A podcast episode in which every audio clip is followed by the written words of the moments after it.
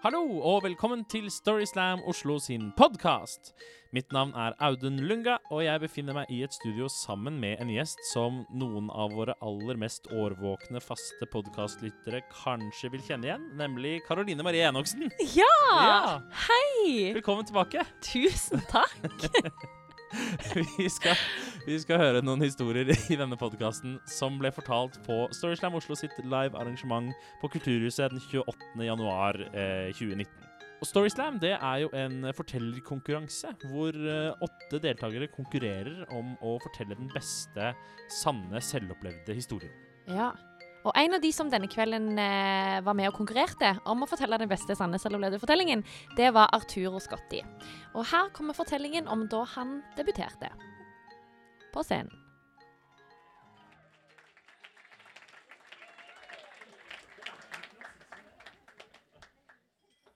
Året er 2009, det er sommer, jeg er tolv år gammel. Eh, verden jubler for Obama og gråter for Michael Jackson, mens eh, du deler din første video av Susan Boyle på en spennende ny nettside kalt Facebook. Eh, jeg har tilbrakt hele sommerferien innendørs. Jeg har lest alle 50 Animorps-bøkene, så mamma skjønner at hun må liksom ta litt tiltak for at jeg skal ut og sosialisere meg når skolen begynner, eh, på fritida. Eh, så hun melder meg på barneteater. Eh, og jeg vet ikke helt med dere, men Der jeg kommer fra, så er barneteater omtrent like kult som eh, søndagsskole. Det er litt sånn, eh, For å melde deg på barneteater liksom for å ut og møte folk, det er litt som å si at du skal ut og reise for å finne deg selv til høsten, og så drar du på campingtur til Malmö. Det liksom, det, det tilhører kategorien, kanskje, men det er ikke helt der. Eh, men i hvert fall, da, jeg likte det veldig godt. Uh, jeg... uh, jeg fikk liksom plutselig et utløp for masse sånn kreative, rare impulser som bare ellers ville ligget og boblet inni meg. Uh, og det var veldig fint. I tillegg til å få bekrefta de følelsene, så fikk jeg applaus også helt fremmede. Det var liksom helt strålende. Så det likte jeg, og jeg tenkte at dette her dette er noe jeg kan fortsette med. Og så var det på tide med visning. Eh, hvert år så hadde vi en juleforestilling, og det var én visning ment hovedsakelig for eh, venner, familier, slektninger og eh, veldedighetspublikummere. Um, det var hovedsakelig barnas visning, men vi fikk veiledning, vi fikk et tema, og vi ble delt gruppevis av de voksne. Årets tema det var mobbing. Og i parentes hvorfor det er galt. Og det, det, det er et søtt tema. Eh, men vi, vi barna vi var unge kunstnere, ikke sant? lidenskapelige. Vi tok dette dønn seriøst. Vi iscenesatte vold, tortur, drap for å få uh, bekrefta, sånn at selv bestemødrene på bakerste rad skulle forstå nettopp det, at mobbing det er galt. Eh, og vår gruppes visning, eh, den het Stopp, ikke mobb. Eh, som om poenget ikke var tydelig nok. Eh, og den gikk ut på at det var en jente som gikk med en bunke bøker over scenegulvet. Og så hadde hun på seg briller, og de stavet liksom i så svære bokstaver at nevøen i bleie og smokk hadde lyst til å banke henne fordi de stavet bare 'nerd'. liksom. Uh, uh, det var liksom Alle fikk en impuls til å bare ta lunsjpengene hennes med en gang. ikke sant? Uh, og så var vi en gjeng da med pøbler som kom og omringet henne. Og um, vi hadde jo på settegenser og buksa lavt nede, og vi mimrøykte litt. Og så kom vi bort og utsatte henne for sånn grov verbal hetsing. Det var helt forferdelig. ass, det at publikum ikke hadde lyst til å komme og gripe inn. Det var, det var liksom et mysterium for meg, fordi hun ble liksom kalt for lesehest og brilleslange. og Flink pike. Det var ikke måte på. Og jeg, jeg, jeg hadde én replikk, øh, og den var selvskrevet, og den lød sånn her. Har du sett deg i speilet, eller? Jeg var veldig stolt. Um, og det var tre uker til premiere, så jeg gikk hjem etter skolen hver dag, sto foran speilet, øvde litt sånn taxi driver-aktig, så han prøvde liksom en aggressiv en sånn 'Hæ, har du sett deg?' Men det funka ikke helt. Jeg prøvde eh, jeg prøvde liksom naturalistisk. Sånn, du, har du sett deg? Men det funka ikke. Uh, jeg prøvde liksom å være sånn sympatisk. Sånn, du, faen, har du sett deg i speil? Men liksom, så, jeg, så jeg hadde prøvd ut alle måtene og nivåene og uh, lagt trykk på alle ordene. Alle måtene man kunne si den replikken med, hva det var prøvd ut. Jeg var så godt forberedt på premieredagen at jeg hadde telt ned hvor mange dag, nei, hvor, hvor mange dager, hvor mange replikker det var fra første til min replikk. Så da sto jeg der, da klar som et skudd og telte på sendegulvet. Når det var fem replikker igjen, da visste jeg ok, nå er det snart tida. Da kremte jeg litt sånn høyt. Tre replikker igjen. Da var det sånn OK, jeg puster dypt inn. Så siste replikk, da gikk jeg ut. Så mot liksom fullt eh, Og plutselig innså jeg at det var liksom, det full sal. Eh, og så gikk det opp for meg at jeg har jo ikke tenkt på hvem jeg sier replikken til. Så jeg søker øyekontakt, så får jeg det med moren til Guri på første rad. Så står jeg og nistirrer henne, og så går det litt tid før det går opp for meg at uh, jeg har jo glemt replikken. Hva? Så eh, hukommelsen skriker innvendig liksom 'Arturo, you had one job!' Ikke sant? Eh, eh, jeg eh, gransker bevisstheten i full speed i håp om at noe dukker opp. Eh, eh, livshistorien min passerer meg i lyntempo. Jeg er som Sherlock Holmes når han prøver å finne svaret på et mord inni hodet. Det var bare sånn liksom peking og ikke sant? Men er ingen, alt er forgjeves. Og så går det opp for meg at jeg har jo stått der i 10-15 sekunder og bare nistirra moren til Guri. Spenningen er ikke til å holde ut. Um, så jeg skjønner at jeg, faen, jeg, jeg må gjøre noe. Uh, så det jeg gjør, er at jeg tar et skritt tilbake. Og så ser jeg mot mobbeofferet. Og så skal jeg bare demonstrere hva jeg gjorde.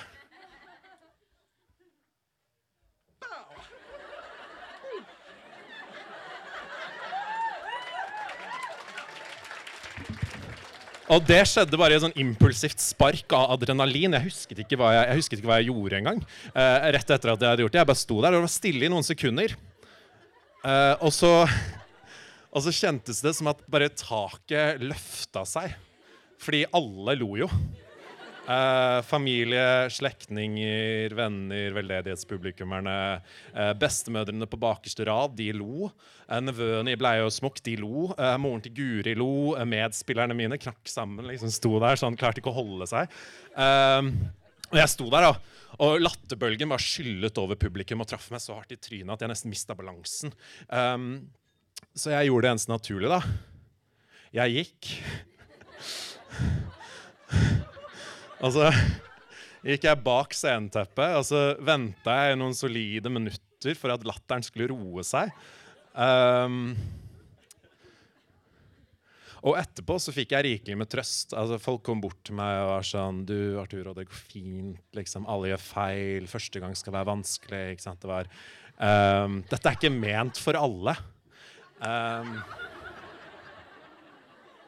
og jeg satt jo der, da. Uh, med et litt sånn hemmelig lurt smil om munnen. For jeg visste jo Jeg visste jo at jeg hadde Jeg hadde Det gikk dritbra.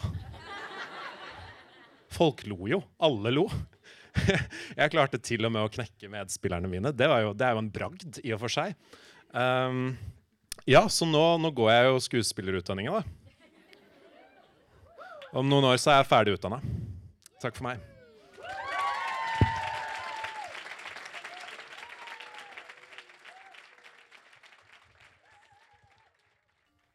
Tusen takk til Arturo. Ja. Og nå er det jo sånn at når man lager et liksom, lydformat mm. av eh, et scenisk show, så har jo det noen begrensninger. Ja. Så kanskje vi skal ta oss og forklare litt hva det er som egentlig skjer når eh, det først blir stille og alle ler kjempemye av det Arturo ja, gjør. Det Arturo gjorde, var at han rett og slett gjorde noen sinnssykt fancy dansetrinn. Michael ja. Jackson-aktige, vil jeg si. Ja, de var veldig bra. Absolutt. Ja. Og nå er jo Arturo snart ferdig utdanna skuespiller, ja. så vi kan jo bare håpe at han eh, bruker samme taktikk seinere. Hvis han glemmer replikken i f.eks. Eh, en Ibsen-oppsetning. Ja, det hadde vært veldig gøy å se Nationaltheatret Assessor Brack plutselig bryter inn i en spontan moodwalk. Ja. ja. Eller Hedda Gabler gjør en slutdrop. Ja. en slutdrop. For eksempel. Men neste fortelling den handler òg om eh, å håndtere en uh, uforutsett situasjon. Ja. Hva, hva gjør man liksom når man, når man, ikke vet hva man skal gjøre? Nei. Mm. Her kommer fortellingen til Helle Storvig.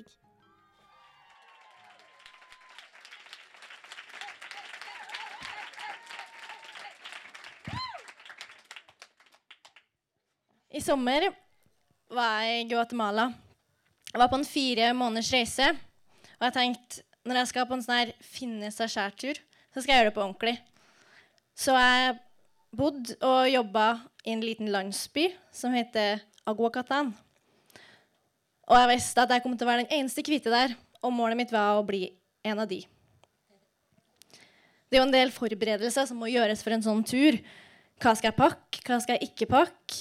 Hva skal jeg pakke? Og hva vaksiner Mm. Det er jo en del vaksiner. Eh, noen er påbudt, og noen er frivillig.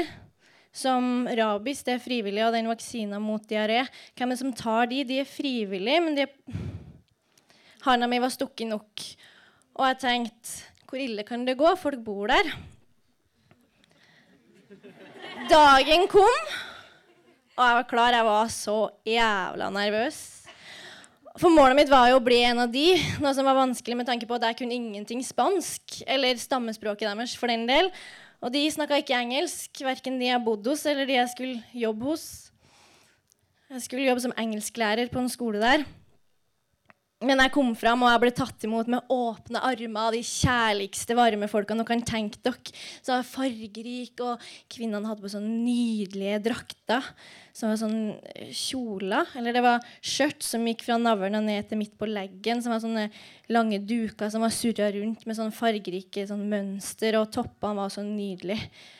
Og de jeg skulle bodd hos, bo hos, de bodde langt oppe i skogen, langt unna sentrum. Så stien ble smalere og smalere, og skogen ble tettere og tettere. Og det var så grønt og frodig med palmer, og det var helt nydelig. Jeg skulle få mitt eget rom der jeg bodde. Det var et hus som jeg delte med seks andre, en familie. Og utenfor huset, som var tak og vegger, så var det vask. Og så var det en dusj med vegger, og så en do med vegger. Og hver dag så jobba jeg på for å bli en av de. Jeg lærte meg spansk, eller noen ord, da.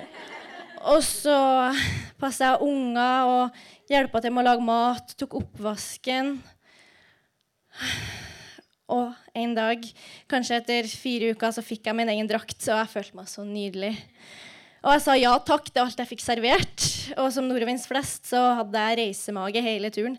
Men det gikk bra, for jeg var en av de nå helt til jeg våkna midt på natta. At jeg hadde så vondt i magen at jeg trodde jeg skulle dø. Og jeg ble liggende og liggende og liggende. Isolert på rommet mitt, og de jeg bodde hos, de kom bankende på. og De serverte både det ene og det andre, og de tilbød meg egg og bønner. Og de kunne gå ut i skogen og finne noe rev og noe grevling, for det var kjerringråd som skulle funke mot de som var syke.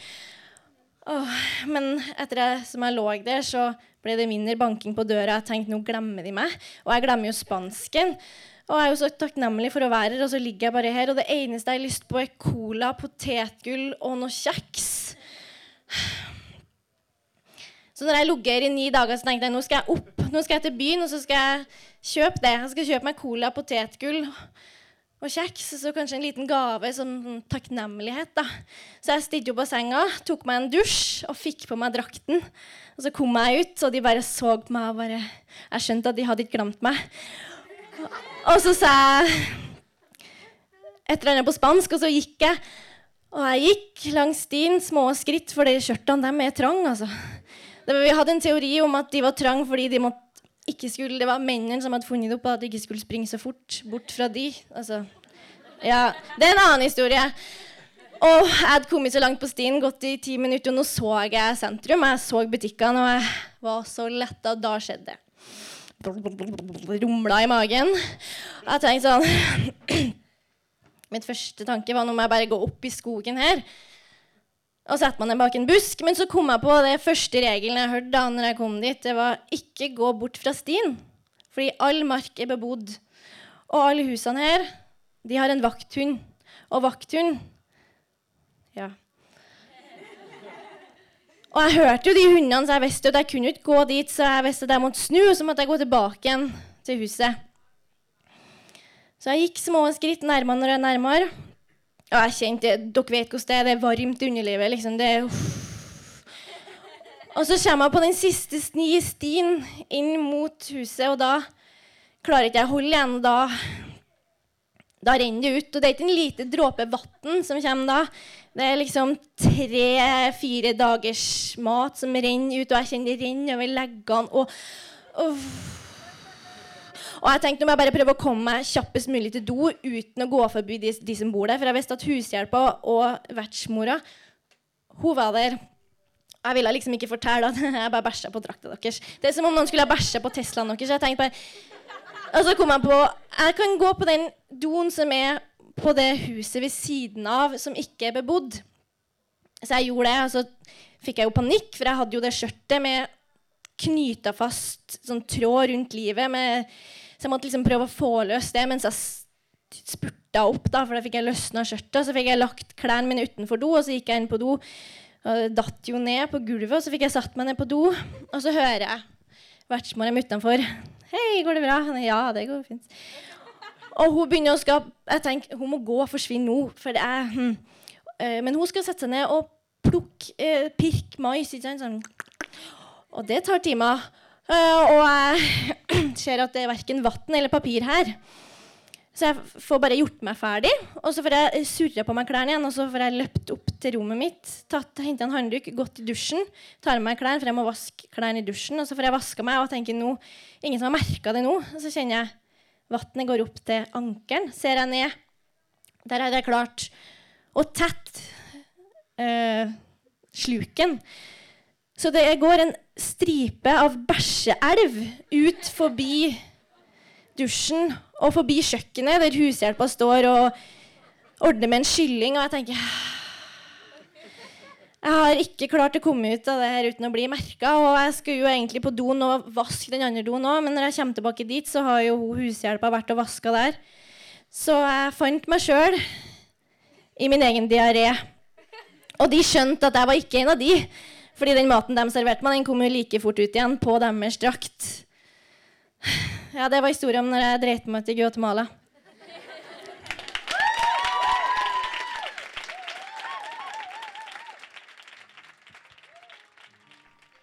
Tusen takk til Helle. Ja. Og vi har vel alle vært der. Ja, jo da. Eller jeg bæsjer ikke på meg så mye lenger da, men jeg tisser jo litt av og Ja, til. ja. Nå, nå mente jeg Sør-Amerika. Vi har vel alle vært i Sør-Amerika. Å ja. Ja. ja.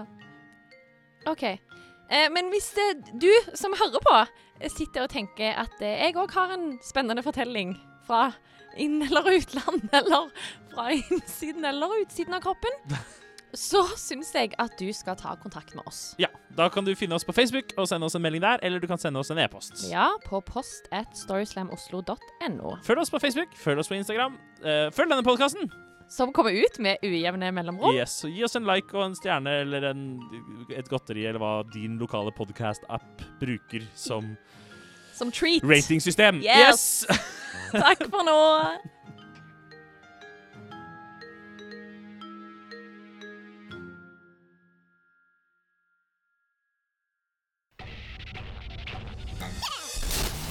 Master.